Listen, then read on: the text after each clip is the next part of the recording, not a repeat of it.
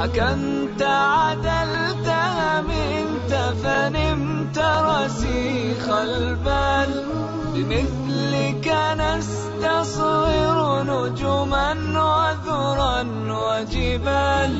ولولا أثر النور لقلنا كنت خيال. سلاما يا عمر الفاروق سلاما يا بسم الله الرحمن الرحيم أيها الإخوة والأخوات السلام عليكم ورحمة الله وبركاته أهلا وسهلا بكم من جديد في حلقة من برنامجكم قصة الفاروق من الذي أثر بعمر رضي الله عنه إنه المعلم الأول إنه رسول الله صلى الله عليه وآله وسلم كان عمر كثير المجالسة له والخلطة له في أسفاره في إقامته في عبادته في مجالسه. كان عمر يجلس مع رسول الله يرقبه ويتأثر به ويتعلم منه. فنعمة وأي نعمة أن يجلس أحد من الناس مع رسول الله. يقول صلى الله عليه وسلم والصحابة جلوس. بين أنا نائم رأى رؤيا في المنام ورؤيا الأنبياء حق. قال بين أنا نائم أتيت بقبا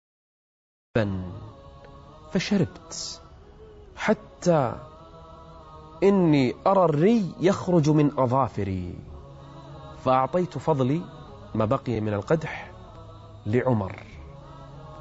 فقالوا يا رسول الله بما أولته؟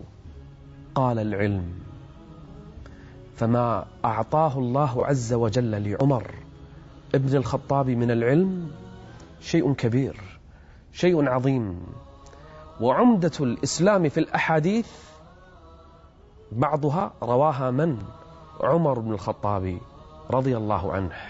دخل رجل شديد بياض الثياب شديد سواد الشعر لم يعرفه أحد من الصحابة أي ليس من أهل المدينة وليس عليه أثر السفر أمره غريب فيدخل عند النبي صلى الله عليه وسلم ويسأله عن الإسلام والإيمان والإحسان والساعة.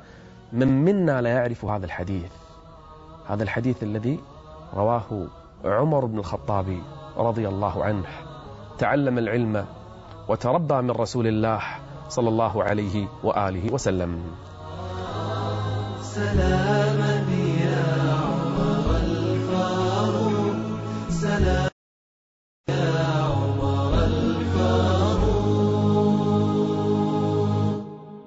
كان الصحابة رضي الله عنهم دوما يتعلمون من رسول الله صلى الله عليه وسلم ويتربون على يديه. لقد من الله على المؤمنين إذ بعث فيهم رسولا رسولا من أنفسهم يتلو عليهم آياته ويزكيهم ويعلمهم الكتاب والحكمة وإن كانوا من قبل لفي ضلال مبين. لما سأل السائل عن الإسلام والإيمان والإحسان والساعة الصحابة جلوس. اختار النبي من ليخبرهم ليخبر الصحابة بهذا الرجل الذي دخل. اختار عمر من بين الصحابة. قال يا عمر أتدري من السائل؟ قال الله ورسوله أعلم. قال هذا جبريل. أتاكم يعلمكم دينكم. وما اختار النبي عمر إلا لعلمه بحفظ عمر ونقله لأن هذا الحديث عمدة وأساس في الدين كله. حديث النيات. من الذي نقله؟ أحد الرواة عمر ابن الخطاب رضي الله عنه.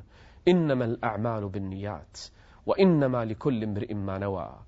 عمر كان يحرص أن يكون كل أهل بيته يخالطون النبي صلى الله عليه وسلم.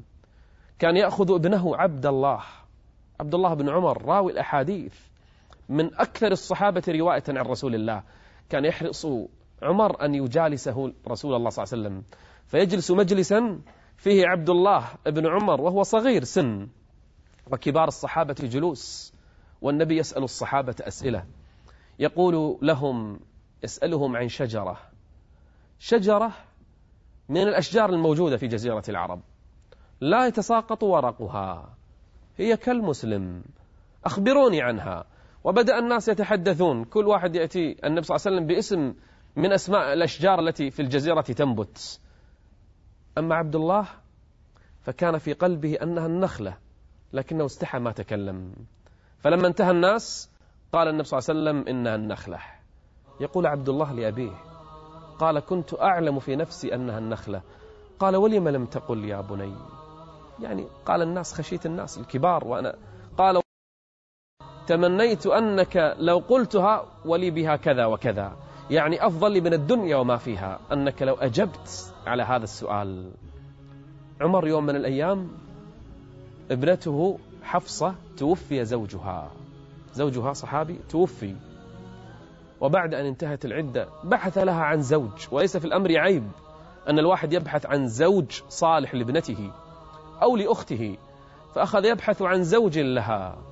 فذهب إلى عثمان فأبى فحزن عمر. فذهب إلى عمر إلى أبي بكر صاحبه يعرض عليه ابنته.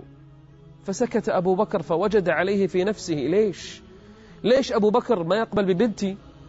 وما هي إلا أيام قليلة ويخطبها منه من أفضل من مشى على الأرض. رسول الله صلى الله عليه وآله وسلم. ففرح عمر وزوجها إياه. لقيه بعد هذا أبو بكر. فقال له أبو بكر قال والله ما مانعني أن أقبل أي بالزواج منها لما عرضتها علي إلا أنني علمت أن رسول الله صلى الله عليه وآله وسلم يريدها. ولهذا سكت. ما أفشيت سره ولا تقدمت دونه. هكذا عمر كان يحرص أن يكون مع رسول الله صلى الله عليه وآله وسلم في مجالسه يتعلم منه يتأدب بآدابه يستمع منه ممن؟ من رسول الله صلى الله عليه وآله وسلم. يرقب حديثه لقد جاءكم رسول من أنفسكم عزيز عليه ما عنتم حريص عليكم بالمؤمنين. رؤوف رحيم. يجلس عمر رضي الله عنه مع رسول الله. يصلي وراءه. يتأثر بكلامه. كان عمر رضي الله عنه شديد الحفظ. كان يحفظ. كان يتعلم. كان يتأسى. ولهذا كان الناس بعد رسول الله وبعد أبي بكر يسألون عمر عن رسول الله صلى الله عليه وآله وسلم. يجلس مع النبي في مجالسه. يستمع لأحاديثه لأخباره يتعلم من علمه يذهب معه في الجهاد في سفراته. يقول الصحابة كنا نسمع دوما دخل رسول الله وأبو بكر وعمر. خرج رسول الله وأبو بكر وعمر. جلس رسول الله وعنده أبو بكر وعمر. بل كان دوما يقول لأصحابه اقتدوا بالذين من بعدي. كانوا يسمعون النبي صلى الله عليه وسلم يقول هذا الكلام. لمن؟ لأصحابه. يقول لهم اقتدوا بالذين من بعدي. من؟ أبو بكر وعمر. يوم من الأيام جاء النبي صلى الله عليه وسلم لأصحابه يبشرهم. رأى أنه دخل الجنة. قال فإذا أنا بالرميصاء إحدى النساء مبشرة بالجنة امرأة صالحة عابدة. قال وسمعت خشفة فقلت لمن هذا الصوت؟ قالوا لبلال في الجنة. قال ورأيت جارية عند قصر ما أجمل القصر. قلت قصر من هذا؟ قالوا قصر عمر بن الخطاب. رآه النبي صلى الله عليه وآله وسلم. قال فأردت أن أدخله لكني تذكرت غيرتك يا عمر. فقال عمر بن الخطاب قال تغار من من يا رسول الله؟ قال غيرتك. لولا غيرتك قال لدخلت القصر. فبكى عمر. بكى الآن من البشرى. بكى من أنه مبشر بالجنة والنبي شاف قصره وشاف جارية عند القصر. في نعيم أعظم من هذا النعيم تبشر بالجنة وأنت جالس. ثم بكى لأمر آخر أن النبي يغار من عمر قال وعليك أغار يا رسول الله.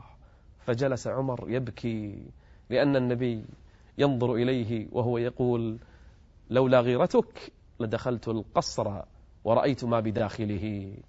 إنه الفاروق إنه عمر أو ذلك الجبل الذي لم يهتز إنها قمة من قمم الإسلام. جمعنا الله وإياكم مع الفاروق عمر في جنات النعيم. نلقاكم بإذن الله في حلقة مقبلة. استودعكم الله والسلام عليكم ورحمة الله وبركاته.